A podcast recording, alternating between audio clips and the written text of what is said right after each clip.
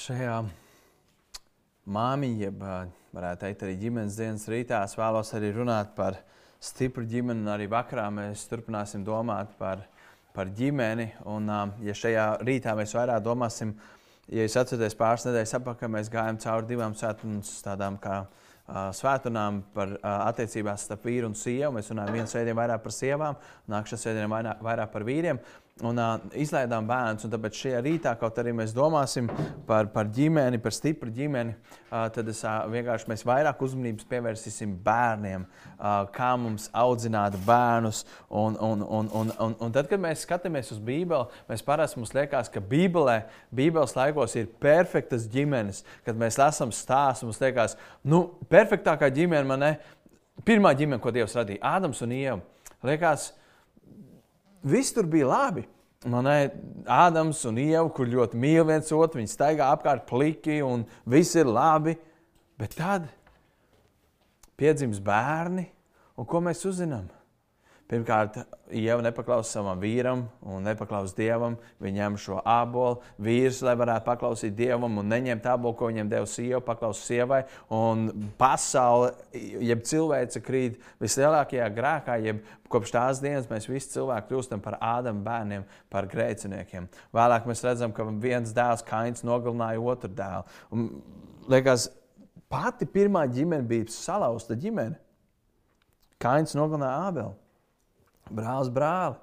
Ja mēs skatāmies tālāk uz vēl kādu ģimeni, Ēlis. Ēlis bija viens no dievu priesteriem, liels dievu vīrs, bet viņam bija divi dēli.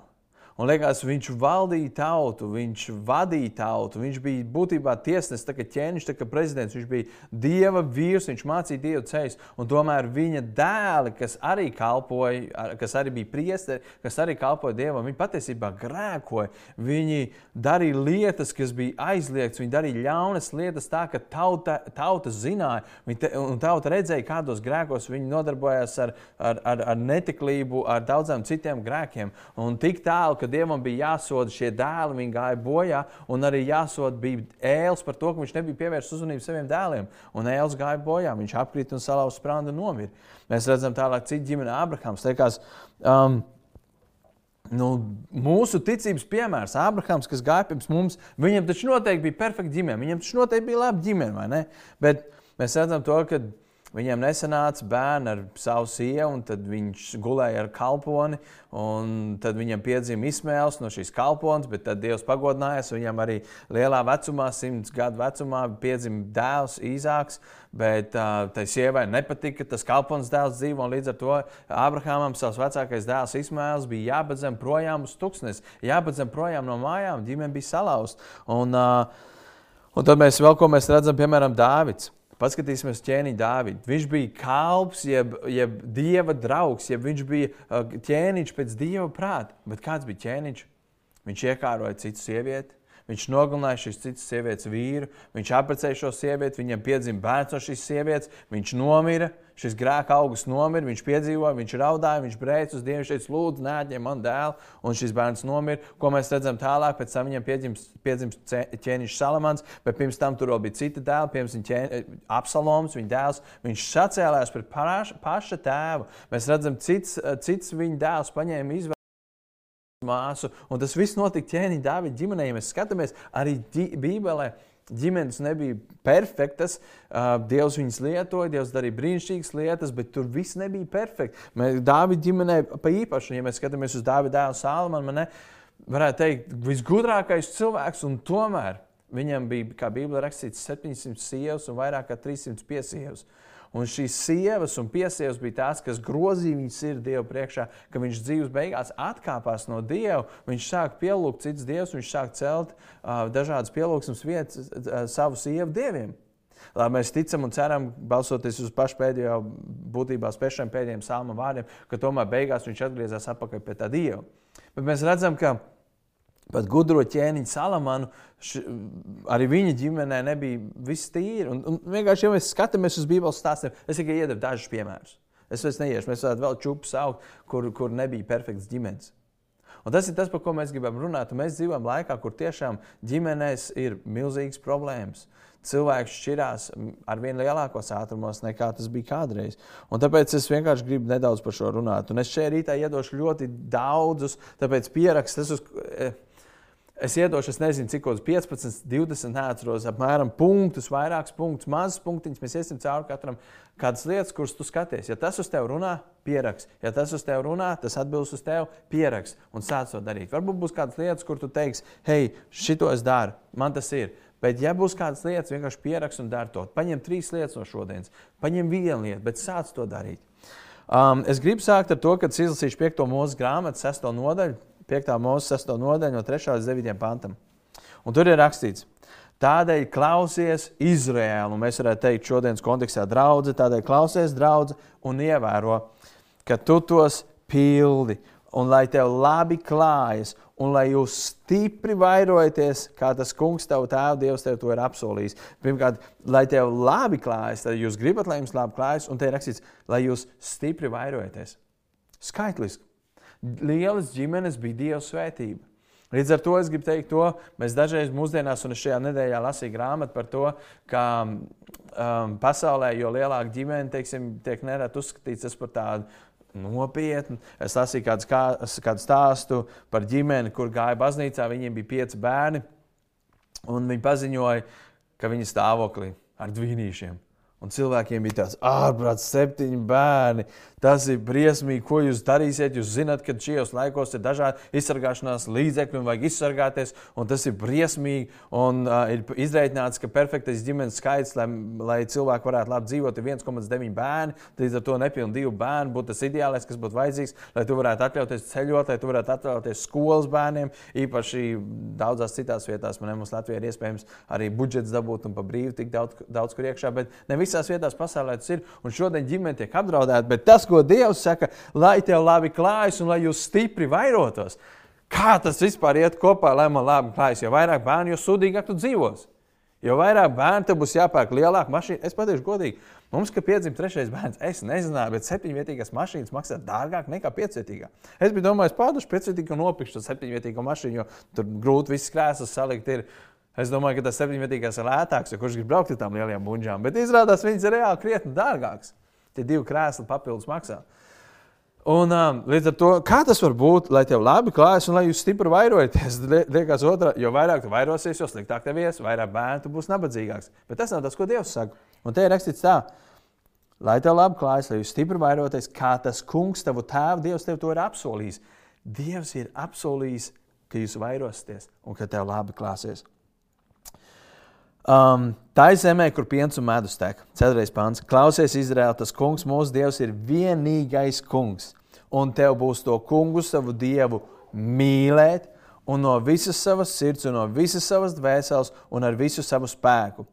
Un lai šie vārdi, tātad, kurus tikko viņš ir pateicis, lai tev labi klājas, lai stipri vairotos, tā, ko es tev apsolīju, mīl to kungu no visas sirds, dvēseles un spēka. Lai šie vārdi, ko es tev šodien nevis iesaku, nevis aicinu ieklausīties, bet ko es tev šodien pavēlu. Tev paliek ierakstīts tavā sirdī. Un kas tev ar to ir jādara? Visu to, ko mēs tikko apskatījāmies, kas tev ir jādara? Tev, kas tev ir jādara?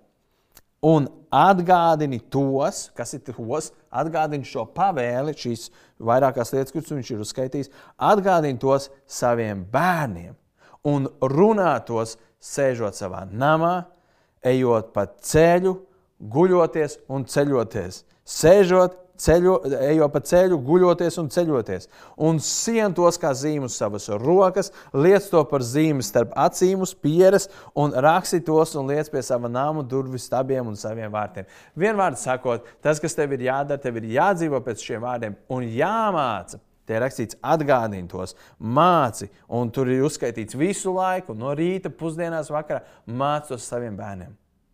Un es domāju, iemesls, kāpēc ģimene ir tur, kur viņi ir, lielā mērā, protams, ka daudz cilvēku nedzīvo pēc Bībeles, bet lielā mērā tāpēc, ka mēs esam aizgājuši projām un mēs lielu ģimeni redzam nevis kā svētību, bet nerad kā lāstu pat.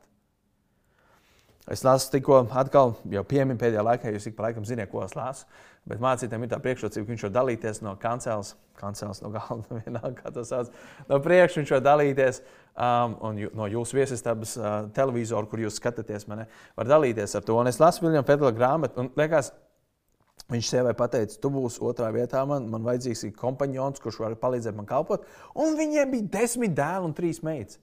13 bērni, desmit dēli un trīs meitas. Es tā pēc sevis domāju, kas tā ir par svētību? Um, bet tomēr vai mēs redzam, ka bērni ir svētība? Vai mēs redzam? Tas katram pašam jābūt priekš sevis. Līdz ar to, ko es ar šo visu, ko es gribēju tikko nolasīt, ko es te gribēju pateikt? Ja tu skaties savu ģimeni, tad saki, mēs galīgi neesam stipri ģimeni. Mēs drīzāk esam vāji ģimene, mēs drīzāk esam salauzti ģimene, mēs esam sabrukusi ģimene, mēs esam ģimene zem spiediena. Mums vienkārši ir nenormāli, nenormāli grūti, mēs knapi turamies kopā es gribu tev atgādināt, nepadodies.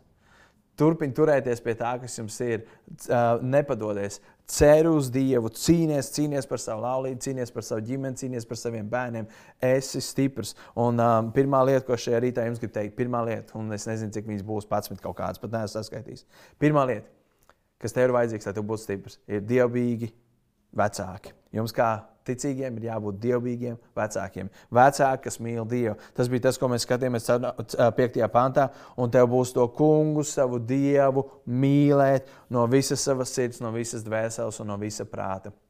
Vispirms, lai jūs būtu, un redziet, daži cilvēki varbūt domā, ko tam darīt, ja tā otra pusīte man nav. Mēs par to runājam, bet vienkārši es tev vienkārši būs kādas lietas, kuras tu varēsi lietot. Bet mēs ejam pēc rakstiem, un te ir rakstīts, mīl Dievu no visas sirds, dvēseles un spēka. Ja tu esi tikai viens ticīgais ģimenē, tu vari mīlēt Dievu no visas sirds, no visas spēka un no visas prāta, un Dievs tev svētīs. Ja jūs abi esat ticīgi, cenšaties satvert vēl vairāk šo patiesību, mīlēt vēl vairāk Dievu, kalpot, sekot viņam vēl vairāk, un jūs piedzīvosiet brīnišķīgas lietas. Līdz ar to vispirms jums ir jābūt dievbijīgiem vecākiem.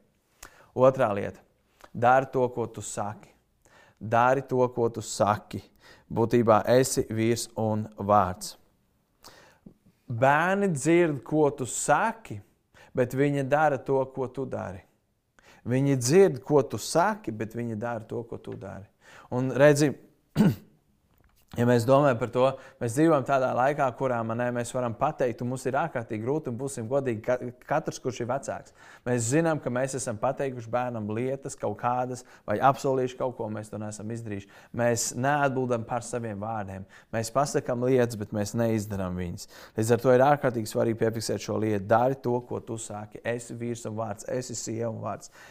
Attiecībās ar bērniem, audzinot bērnus, tev ir jābūt, ka tu dari to, ko tu saki. Nākošā lieta. Esi labs klausītājs. Ieklausies savos bērnos. Visi grib būt sadzirdēti. Nepavēlti Facebookā cilvēki pauž savus viedokļus. Twitteris, tad, kad bija pirms tam, man nekur varēja tvītot, man kā saka Latvijas, nezinu, čivināt savu viedokli, čivināt savu viedokli. Un tad, kad cilvēks ir ļoti ietekmīgs, mums ir ļoti svarīgi dzirdēt, es gribu dzirdēt tavu viedokli. Pasaka, kāds ir tavs viedoklis. Mēs gribam būt sadzirdēti, un arī bērni grib būt sadzirdēti. sadzirdēti. Līdz ar to klausīties ir ļoti svarīgi. Arī tu gribi būt sadzirdēts. Un tāpēc mēs par to runājam. Jūs atceraties, Jēkabā vēstulē mēs runājam par to, cik svarīgi ir ieklausīties, cik svarīgi ir klausīties Dievā. Bet šeit es gribu runāt par to, ka ir svarīgi klausīties savos bērnos. Ja vecāki neklausīsies savos bērnos, tas bērnā izveidos domu, jeb apziņu, ka viņš nav pietiekoši svarīgs, lai viņā ieklausītos. Tāpēc viņš vienkārši noslēgsies. Viņš vienkārši noslēgsies. Un tāpēc ir svarīgi, man ne, un ir grūti, dažreiz es teikšu, godīgi, ka tu brauc mājās no bērnās, vai, vai, vai viņš stāsta par savu superlielo problēmu, kas viņam tur notika. Es nezinu. Viņš tur man dārziņā, mēs tur spēlējamies, un viņš man tur tuvo, un tas klucīts, saprot, tas ir vissvarīgākais klucīts. Un tu klausies, un tev liekas, Kāda klucīta runā? Un īpaši tajos, tajos brīžos, ja tev pašam kaut kas notiek tavā prātā, kaut kas varbūt bijis darbā, vai tikko tev bija kāda smaga saruna, tu it kā fiziski tur esi, bet emocionāli tu neesi tur. Un um, kamēr bērni mazi, jā, mēs varam nofeikot, bet, un es nevaru teikt no savas pieredzes, bet um, dzirdot, ko daudz citu saka, kad vēlāk bērni to jutīs un, un, un to varēs pēc tam jūs pašus savus ādus. Nākošā lieta - disciplinē bērnu bet neatraidi viņu. disciplinē, bet neatraida viņu. Um, mēs nedrīkstam disciplinēt bērnu brīdī, kad mēs esam dusmīgi. Tajā brīdī, kad tu esi dusmīgs un saniknots, un tu esi gatavs viņu saplosīt gabalos, tajā brīdī tev ir vienkārši jānomierinās. Tev ir jādara vienkārši viss, tev ir vienkārši jānomierinās. Tu nedrīkst tajā brīdī saklēkt, vai es nezinu, sapurnāt, vai vēl kaut ko. Tas ir pats briesmīgākais, ko var izdarīt. Un tas ir tas, ko nereti vecāki dara. Daudzi bērni nekad, nekad, es saku vēlreiz, daudz bērni, kas ir izauguši, nekad dzīvē nav saņēmuši bībelistu disciplīnu. Viņi vienmēr ir dabūjuši tajā brīdī, kad vecāks sprāgst. Un visu, ko viņš pie disciplīnas saņem, ir sprādziens. Un tas traumē bērnu emocionāli un visādi citādi. Um, ja tu to darīsi dusmās, tu viņam nodarīsi daudz pāri. Nereti tas var būt arī fiziski nodarīt pāri, bet pirmkārt jau daudz svarīgāk tas ir emocionāli. Fiziski pat ja tā būs brūce, jā, viņas atzīs. Bet tas, kas tiks izdarīts emocionāli un garīgi, tas prasīs daudz, daudz gadus. Otrakārt, dus, ja, ja mēs pārmācām, vienalga, vienalga, Es pieminēju vārdu disciplinē. Es varētu runāt gan par rīks, gan par visu to, tas nav šī rīta tēma. Bet vienalga, katrai ģimenei viņi ir atraduši veidu, kā viņi to dara, kā viņi disciplinē. Um, bet, ja mēs to darām dusmās, bērns sajutīs tavu attieksmi, tavu naidu, un tavas dusmas, un, tavu, un jutu, jutīsies atraidīts. Līdz ar to mums tas ir jādara tad, kad mēs neesam dusmās. Tāpēc viens labs padoms, ko es jums gribu dot, Tad, kad jūs disciplinējat savus bērnus, pirms tu viņu disciplinē, un es saku vēlreiz, vienalga, kāda tā tava disciplīna, kā tu viņu disciplinē, um, parunā ar viņu, izskaidro viņam. Paskaidro, kas ir tas, ko viņš saņems, kāpēc viņš to saņems. Lai viņš zinātu, par ko viņš saņem. Un tad, kad viņš saņems to disciplīnu, viņš zinās, par ko tas ir. Jo dažreiz ir tā, ka bērns saņem, viņi pat nezina, par ko viņi saņēma. Um, Vēl viens padoms, kas arī psiholoģiski pierādīts, ka mēs nedrīkstam disciplinēt savus bērnus ar roku, piemēram, sitot viņus. Ar roku sitot. Tāpēc, kad roka ir domāta, lai glāstītu, lai mīļotu, lai paņemtu un saspiestu, un tad, kad vecāks paceļ roku, ja viņš baidās, viņš nezina, kurā reizē viņš viņu gribēs sameļot, kurā reizē viņš viņu gribēs sist. Līdz ar to psiholoģiski mēs nedrīkstam to darīt ar roku. Tas izveidos atturību no bērna puses, ka viņš beigs no tevis, no tavas rokas uz kur viņam būtu jāpaļaujas, viņš baidīsies no tavas rokas, no tavas sitiena. Līdz ar to disciplinē savu bērnu, bet neatraid viņu, pamāc viņu, mīlē viņu, bet mums savu bērnu ir jādisciplinē. Tas ir tas, ko Bībele māca. Nākošā lieta. Vecākiem ir jāmīl vienam otru.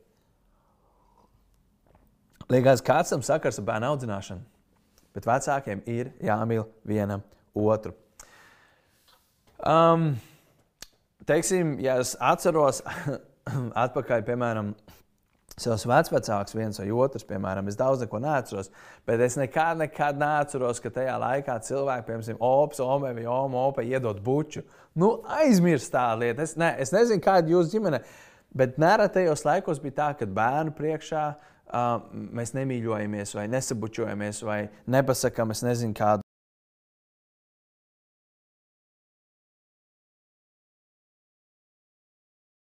Tu mīlestību viens otram. Ziniet, ko tas veido bērnā? Tas bērnā veido drošības sajūtu. Ka viņš redz, ka tētis mīl mammu, un mamma mīl tēti. Un viņš saprot, es, man patīk tur atrasties, jo tad, kad viņi mīl viens otru, viņi ir jaukāki, viņi ir mīļāki. Man patīk atrasties viņu tuvumā tajā brīdī. Bet tad, kad viss, ko vecāki savā starpā dara, ir rejās, strīdās, nepavēl dažreiz, kad vecāki izšķirās, bērns uzskata sevi par vainīgu. Un kaut mēs visi pieaugušie, kas jūs daudz jau ir šķīrušies, kas klausās šajā brīdī, jūs zināt, ka bērns gandrīz nekad 99% nav vainīgs. Viņš nav šķiršanās iemesls. Bet bērni 99% domā, ka viņi ir šķiršanās iemesls. Un tas ir saistīts ar to, ka viņš domā, viņš ir vainīgs pie strīdiem, pie visām nesaskaņām, pie problēmām, vienalga kāds būtu tas problēmas. Līdz ar to ir ārkārtīgi svarīgi izveidot vidi mājās, kur bērns jūtas, kad vecāki mīl viens otru un bērnā tas izveidos drošības sajūtu. Un, ziniet, ko tas viņiem iedos? Tas viņies, viņiem iedos vīziju, jeb sapni par to, kādu ģimeni viņi gribēs veidot. Tas viņos dos tādu oh, wow, tas ir tas, kā mums bija. Tas ir tas, kā es gribu. Tas viņam būs labas atmiņas. Viņš varbūt neatcerēsies, o, es atceros, viņi tur tā bučojās vai tā mīļojās. Viņš vienkārši zinās faktu, ka tas bija labi. Un tas viņai izveidos tādu sapni par to, kā viņš gribēs veidot savu ģimeni. Un tur patiesībā ir tā, tur, kur divi mīl viens otru. Tur patiesībā ir ļoti grūti noturēt šīs emocijas um, projām, jeb neizrādīt. Un tāpēc es pieminēju to, es atceros, kad, kad, kad mēs vienreiz skatījāmies ar OPA. Man liekas, tas bija Titaniks ar Omamu. Es nesos, ko mēs skatījāmies tajā laikā. Tur bučojās. Jo daudz filmas mēs nevaram skatīties. Man liekas, tā bija tā. Un Obamas ar Romu tik nērti sajūtās tajā brīdī. Tur, man liekas, bija es un mana māsa, mazā Antra. Man liekas, ka mēs tur bijām. Un Obamas saka, rekopi ķiršs plūds man. Un, un tajā brīdī zin, pats nezinu, kā justies. Tas vienkārši ir nepareizi. Ir vecākiem jāprāt, ka viņi mīl viens otru un, un, un viņi var mīļoties viens otru priekšā. Nākamā lieta. Tev nedrīkst būt mīļākais bērns. Es zinu, ka mēs to esam, ka jūs to esat pieredzējuši un nereti tomēr es esmu redzējis vairākas ģimenes, kur konkrēti, un, un runa vairs neiet. Runa, Es varbūt biežāk esmu redzējis to pieaugušā vecumā, kur bērns varbūt tās ir pieaudzis un viņam pašam ir savi bērni. Un var redzēt no vecākiem, ka, tu... un, ka viens tiek pilnībā nospiests, nonicināts, vispār netiek pievērsta uzmanība.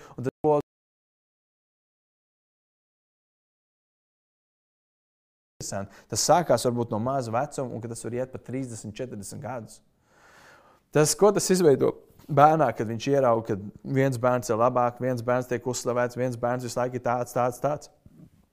Pārējos bērnos, vai tur būtu divi citi, vai viens cits, vai trīs citi, viņš jutīsies slikti. Viņš jutīsies, ka viņš nav pilnīgs. Viņš izveidosies viņam mazvērtības sajūta. Uh, un, un, un tas nav tas, ko mēs gribam priekš saviem bērniem. Un to ir ārkārtīgi grūti izdarīt. Arī man priekšā jācīnās šajā brīdī, kad tev piedzimst tas mazais.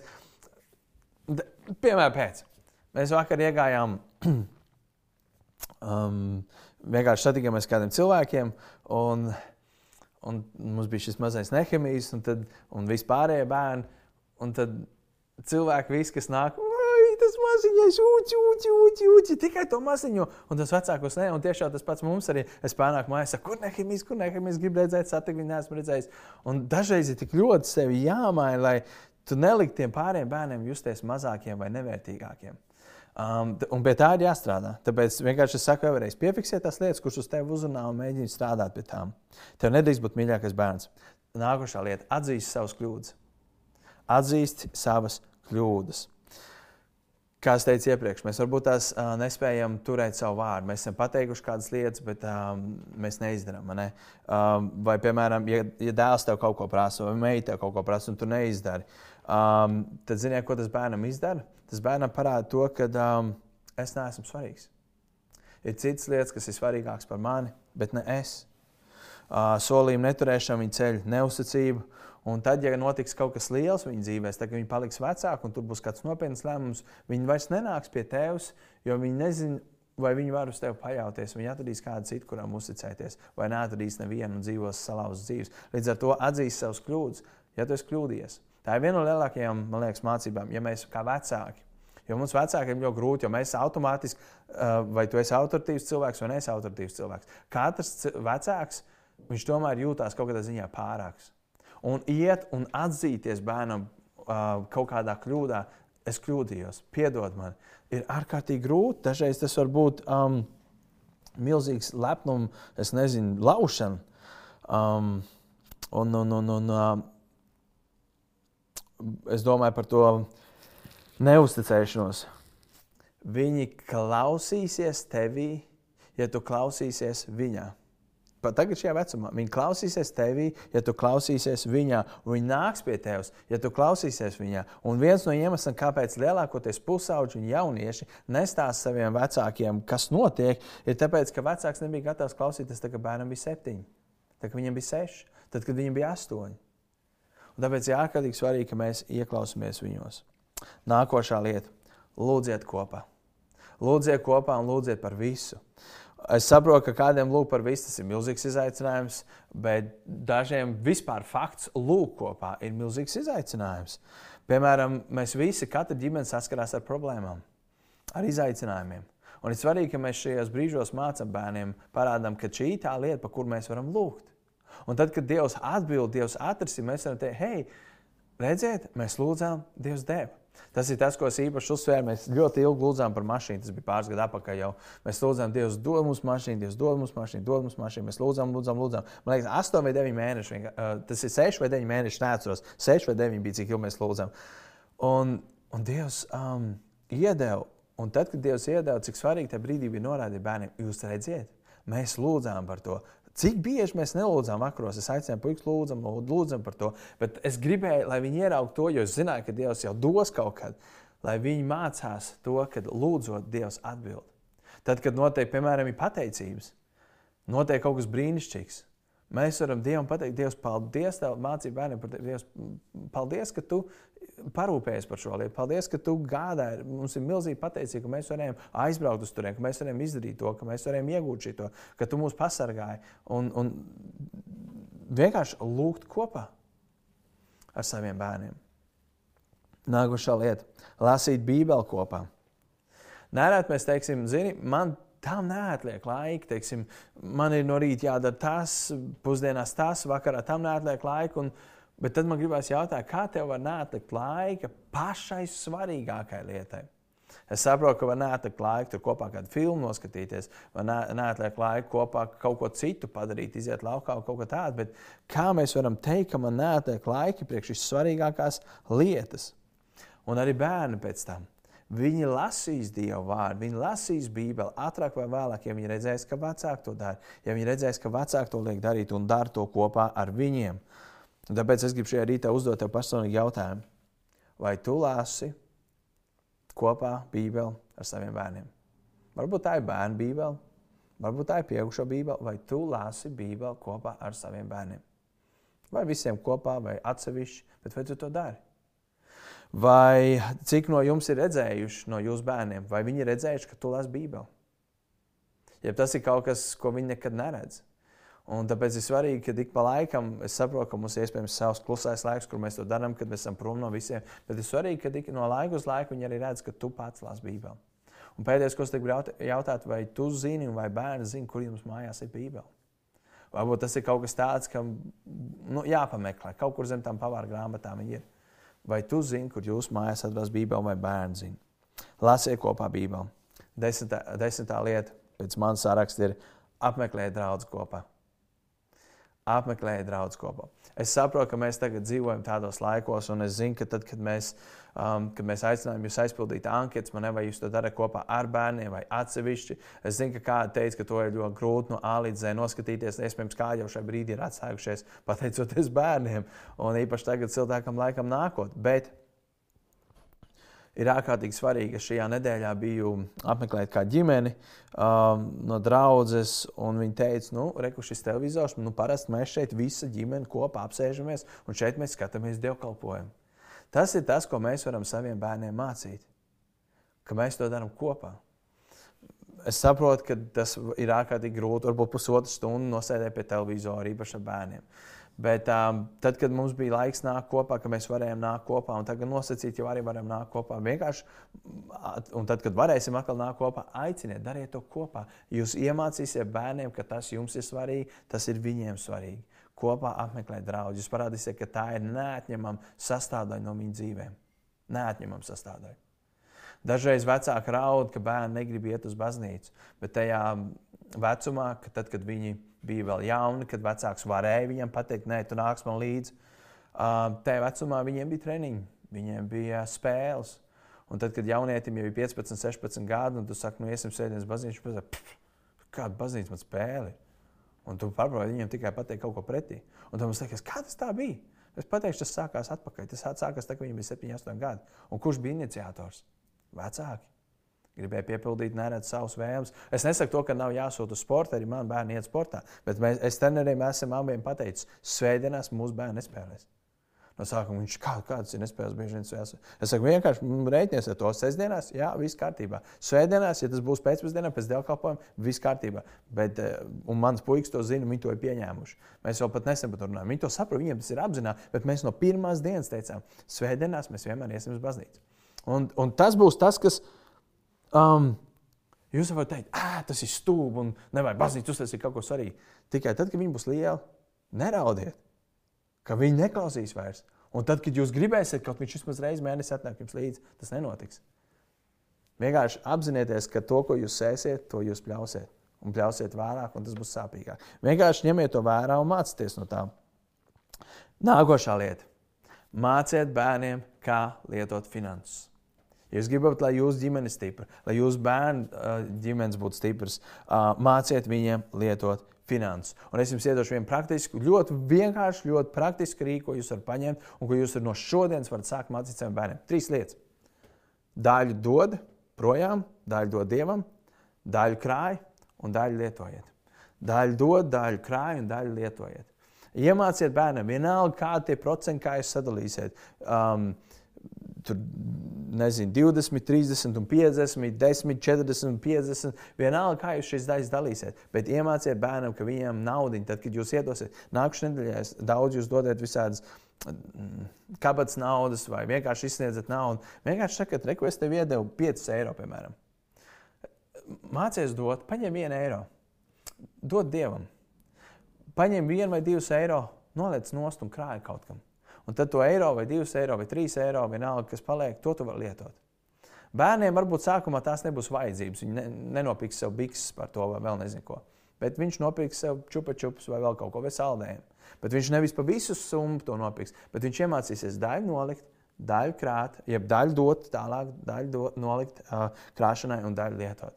Tas būs princips, ko viņi iemācīsies visu savu dzīvi. Un es domāju, ka iemesls, kāpēc nereti mūsdienu cilvēkos šodien gāja pa no rīta pa graudu ielas gāju, un, un es ieraudzīju, atkal tur bija aizdevums.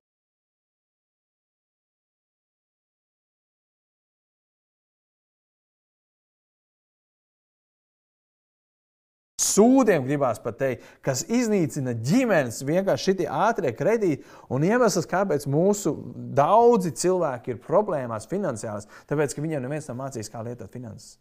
Kaut vai tik vienkāršu uh, rīku, Daļu dod dievam, daļu krāj un daļu lieto. Bet mēs darām visu, mēs lietojam, mums vēl pietrūkst, un mēs ejam uz šitiem aizdevumiem. Man sāp sirds redzēt, kādus procentus cilvēki maksā.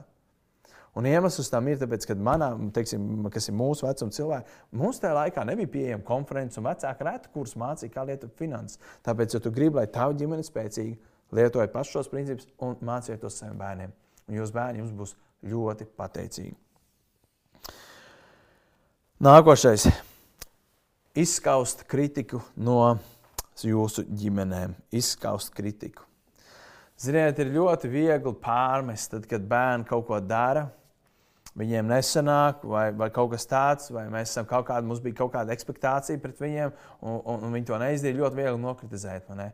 Nereti mēs esam dzirdējuši tādas tekstus, kāpēc tu, tu, tu tāds pasties, kā tas var to pasties. Un ar visiem šiem tekstiem mēs ļoti graujam. Un, un arī man personīgi pie tā šī viena jāstrādā vairāk iedrošināt un mazāk kritizēt tas, kas nav sanācis. Ir ļoti svarīgi, ka mēs, Bībelē rakstīts, manē, lai jūsu runa būtu ar sāli, sāli, lai jūsu runa celtu klausītājus, un tas princips attiecās uz jebko. Tad, kad mēs runājam, vai tas būtu ģimenē, vai tas būtu uz bērniem, mūsu runai jābūt tādai, kas ceļ to. Un ir ārkārtīgi grūti.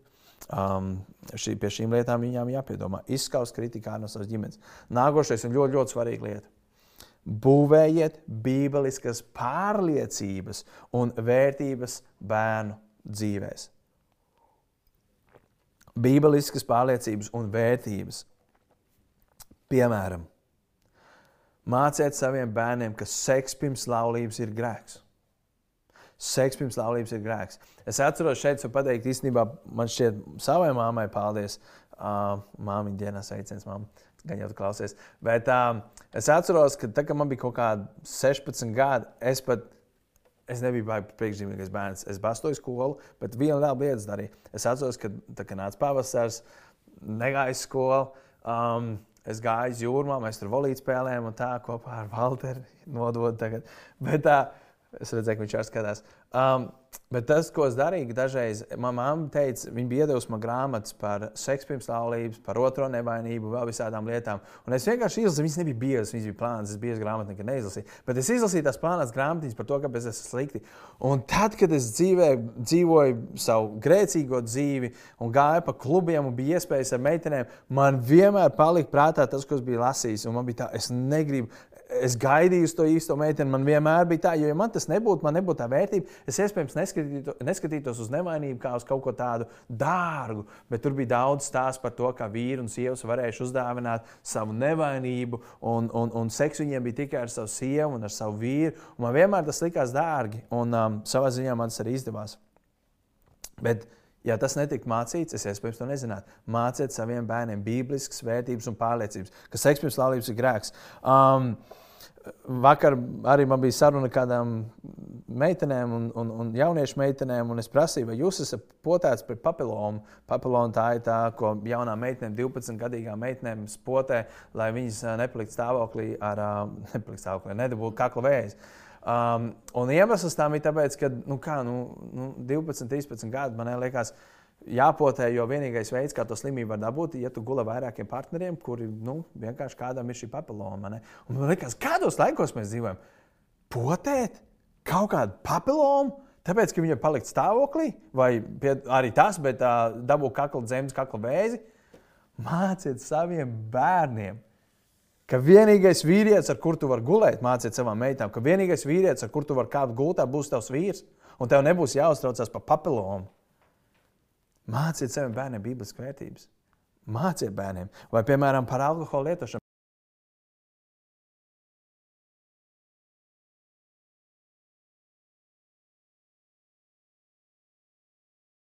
Lieto alkoholu, viņa mēlē atraisās, viņš sāk runāt to, ko viņš nekad neteica. Viņa prāts sāk domāt trakas domas, viņa acis sāk skatīties uz citām sievām. Ziniet, citām sievām, viņam ir sava, bet uz citām sievām. Un, ziniet, um, alkohols tev atņem spēju spriest tādā mērā, ka alkohola reibumā tu izdarītu lietas, kuras tu nekad nedarītu skaidrā. Tad, kad es gāju uz cietumu, kas man fascinēja, kad es nezinu, 90% noziegumu bija izdarīta alkohola reibumā, jeb alkohola iespējā. Es biju šokā. Es nezinu, cik reizes es sēdēju. Es saku, būtībā no sākuma jau vienkārši, ah, ok, ok.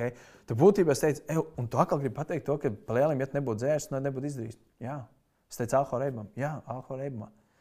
Māciet saviem bērniem šīs lietas. Bet, zini, ja tev pašam nebūs šīs vērtības, un tu pats lietos alkoholu, un bērnam teiks, zini, nedrīkst to darīt, bet viņi redzēs, ka tu to dari. Viņš darīs to, ko tu dari, nevis to, ko tu saki. Tāpēc jums pašiem vispirms ir jābūt svētiem šajā lietā. Tu nevari teikt, zini, es te katru vakaru veselībai šampanieti vai vīnu izdaru. Un, ko tu domā? Es esmu dzirdējis tādas, kad es saku, bet tev vecāki, jā, nu, bet viņi teica, ka viņi to dara veselības dēļ. Katru vakaru veselības dēļ. Jā. Zini, ok.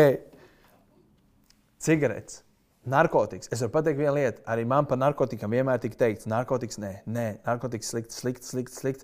Un tad, kad es atceros, mēs bijām atkal kādā reizē uz ielas, mums teica, ej, reku pa vēl, narkotikas piedāvā. Man vienmēr bija, es patu sēžu, es varēšu darīt stulbas lietas, bet es nekad neskatos klāt narkotikām. Man, e, tas tika ieaudzināts. Neskaties klāt, es vienmēr baidījos no tā. Māciet bērniem šīs lietas, māciet bērniem bībeles vērtības un pārliecības, kā nešmaukties, kā būt godīgiem, kā nemelot, kā atzīties, ja viņi ir kļūdījušies, atzīt, atzīties savos grēkos, noziegumos, vai palīdzēt kādam, kurš ir nonācis grūtībās. Tās ir ārkārtīgi svarīgas lietas, tāpēc Sāma pamācības 22.6 ir rakstīts, mācīt savam bērnam viņa ceļu, viņš no tā nācās, kad būs jau vecs kļuvis. Ko tas nozīmē? Tas nozīmē, ka viņam iemācīs pareizas vērtības, bībeliskas vērtības un pārliecības. Viņš pie viņām turēsies. Viņš varbūt vienu, otru, trešo reizi, varbūt klubs kaut kur, bet viņš pie viņiem turēsies. Nākošais pavada laiku ar saviem bērniem.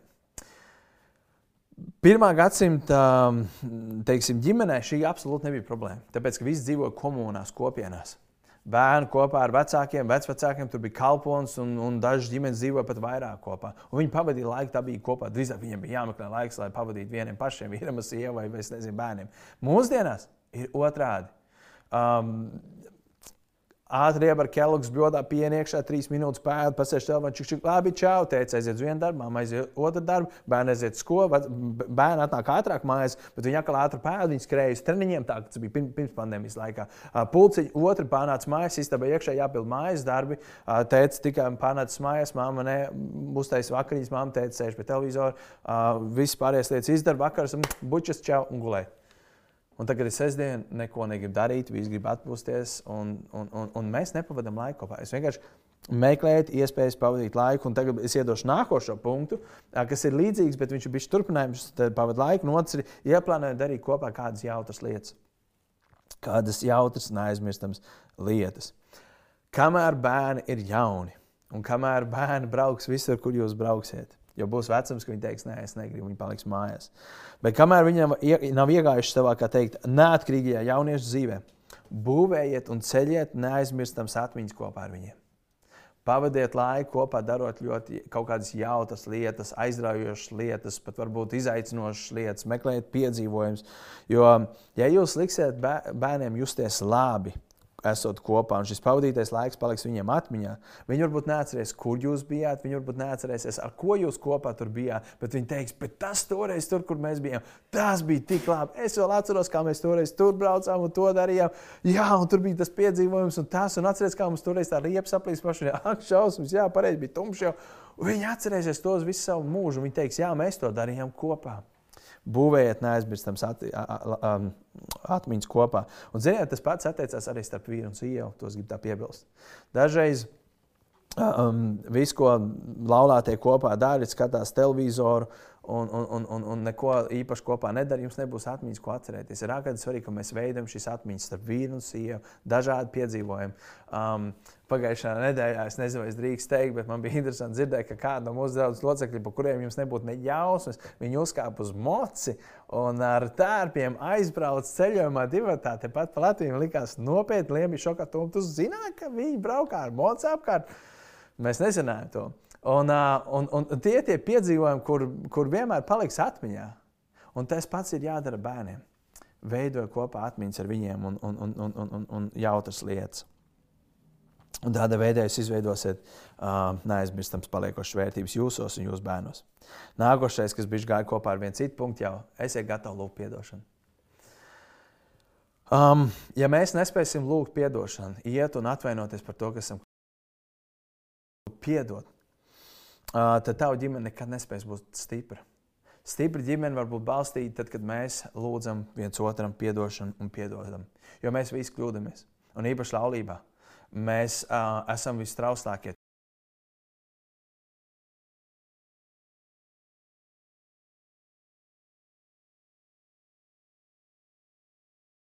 Būs. Un normālā ģimenē, es saku, normālā, bībeliski normālā ģimenē būtu jābūt tā, ka neskaitāms reizes mēs lūgtu atdošanu. Kāds teikt, nē, tad jau sanāk, tas kaut kāds zina, ko tu tik daudz slikti dari, ka tev visu laiku jālūdz atdošanu. Bet mēs visu laiku darām lietas, kur, kur mums būtu jālūdz atdošanu. Un uh, tad, kad mēs lūdzam atdošanu, um, mēs bērnam, ja mēs mācīsim arī bērnam palūgt atdošanu, Mēs bērnam iemācīsim to, ka lūgt atdošana nav vājuma pazīme, bet patiesībā viņa padara mūs stiprākus, um, ciešākus vienotram, un viņi iemācīsies, ka lūgt atdošana patiesībā ir vajadzīgs. Tas nevis grauj, bet ceļ. Un tāpēc mēs Es saku, vēlreiz, mēs varam teikt, nu, palūdz viņam atdošanu. Ko tu nevari viņam palūgt? Pasaki, man ir brālis, lūdzu, viens otram atdošanu. Bet viņi nekad nav dzirdējuši, ka tu to dari. Viņi nekad to nedarīs. Jā, tu varēsi piespiest tā brīdi, piedod. Bet tas nebūs tas, ko mēs gribam. Un tad, kad viņš izaugs liels, viņam neviens nevarēs piespiest. Tāpēc ir ārkārtīgi svarīgi, ka mēs to mācām, lūgt atdošanu, tad, kad esam kļūdījušies. Šīs bija tās lietas, kuras es gribēju šajā rītā mums visiem iedot. Paskaties, kuras tev visvairāk runāja, kurās tu visvairāk klūpā ārā un kuras tu gribētu savā dzīvē. Sāc vienkārši darīt, sāc ar vienu lietu. Un noslēgumā es gribu pateikt, um, kāds varbūt teikt, ko man darīt, ja man ģimene salauzta vai ģimene, kur es esmu tikai viens, kas audzina bērnus, vai ģimene, kur otrs ir neticīgs. Es gribu teikt, pirmkārt, to, ka tu joprojām vari darīt lielāko daļu no šīm lietām, par kurām mēs runājām, par šiem, šīm lietām, bet viena lieta, ko es jums gribu palikt, pateikt, palieciet fiziski un emocionāli tuvi, pieejami saviem bērniem. Fiziski un emocionāli tuvi. Pat ja tu esi daļa no šķirtas ģimenes, bērniem vajag vecākus, abus. abus. Ziniet, dažreiz cilvēki, nevis dažreiz, bet lielākoties cilvēki ir tik egoistiski, ka viņi um, grib ieriept otram cilvēkam un aizliegt satikties ar bērnu. Un patiesībā, kas notiek rezultātā, ir tas, ka bērns ir tas, kurš ir vislielākais zaudētājs. Bērnam ir vajadzīgs abu vecāku tuvums, abu divu. Jo tas vecāks, kurš ir devis dzīvību, un dzīvību neviens vecāks nevar dot viens pats, tur ir divi cilvēki, kas sanākuši kopā, devuši dzīvību šim bērnam. Mums būs jānes atbildība par to. Vīriem, kā mēs esam par saviem bērniem rūpējušies, sievām, kā mēs esam par saviem bērniem rūpējušies. Tāpēc mums ir jāmeklē visas iespējas, lai mēs varētu būt daļa no bērnu dzīvēm. Jo mums dažreiz liekas, nu nekas paies laiks, un bērns aizmirsīs. Ne. Tās ir brūces, kas paliek uz visu dzīvi. Viņas var tikt sadziedētas, Dievs var dziedināt jebko. Bet tā kā tik svarīgi, ka mēs um, palīdzam savā uh, veidā, palīdzam bērniem izaugt maksimāli veselīgā vidē, kādā mēs varam. Um, un tas, ko mēs varam mācīt, ja tu esi viens vecāks, tu audzini viens pats savus bērnus, es gribu, lai tu zini to, ka tu vari šajās situācijās mācīt, teikt, jā, mums nav tēvs, jā, mums nav mamma, bet Dievs vienmēr ir kopā ar mums. Dievs būs mūsu gādātājs, Dievs rūpēsies par mums, un, un, un, un, un Dievs ir tas, uz kur mēs varam paļauties. Mēs nevaram paļauties uz otru, ka viņš būs, ka viņš atnāks, bet mēs varam paļauties uz Dievu. Un tas ir ļoti, ļoti svarīgi, ka mēs to varam mācīt. Un uh, vēl ko es gribu teikt, varbūt tās kāda vecvecāka klausās šajā brīdī, kuriem tiešām ir jau mazbērni, jau palījā mazbērni. Un jūs domājat, jā, Dažreiz cilvēks saka, kaut kas to būtu zinājis 20 vai 30 gadus. Tu esi, tavi bērni ir aizgājuši dzīvē, viņi ir tādi, kādi viņi ir. Tu vari būt pieejams saviem mazbērniem. Tu vari ieguldīt savos mazbērnos to, ko tu varbūt nožēlo, ka tu nevari ieguldīt savos bērnos. Nav tā, ka vilciens ir aizgājis. Tu vari palīdzēt saviem bērniem, ieguldot savos mazbērnos. Vecākiem ir milzīga loma patiesībā šajā. Un pašā, pašā noslēgumā, ko es gribu teikt? Tā kā mēs runājam par ģimeni, es atceros, ka daudz gadus atpakaļ es dzirdēju tādu teicienu, es viņu paņēmu ar priekš sevis, un es tam ticu arī, ka stipras ģimenes veidos stipras draudzes, un stipras draudzes veidos stipras ģimenes. Ja mūsu ģimenes būs vājas, mēs kā draugi nevarēsim būt stipri. Tāpēc ir ārkārtīgi svarīgi, ka mēs esam stipras ģimenes. Un varbūt tās kādiem liekas, bet man vīrs ir tāds, un sieva ir tāda, un bērni ir tādi, un viss ir slikti. Un es, es pats pirmkārt nespēju. Es nespēju, es nezinu, to viens, divus punktus var izdarīt, pārējos skrīt laukā. Ko man darīt? Atcerieties, kas ir evaņģēlijs. Evaņģēlijs nav evaņģēlijs pirmkārt ir tas, kurš tevi atbrīvo no grēka, atbrīvo no grēka važām un dod tev jaunu dzīvību. Bet evanģēlis mums ir domāts katru dienu. Evanģēlis ir domāts, lai mūs atbrīvotu no grēka, evanģēlis ir domāts, lai vīram un sievas varētu būt labas attiecības, evanģēlis ir domāts, lai mēs varētu audzināt savus bērnus pēc, pēc dievprāta. Mums ir vajadzīgs Jēzus Kristus spēks, lai mēs varētu izaudzināt bērnus dievam par godu, lai mēs varētu būt labi vecāki. Un ja tu jūti, ka tu daudz kur izgāzies, nes to Dievu priekšā. Jēzus Kristus grib tev palīdzēt. Viņš grib piedzīvot un redzēt, ka mums ir stipras ģimenes. Un tas ir tas, ko es gribu aicināt. Ka tikai un vienīgi ar Jēzu Kristu jūsu ģimene var būt stipra, un jums ir jātiecās pēc šīm lietām.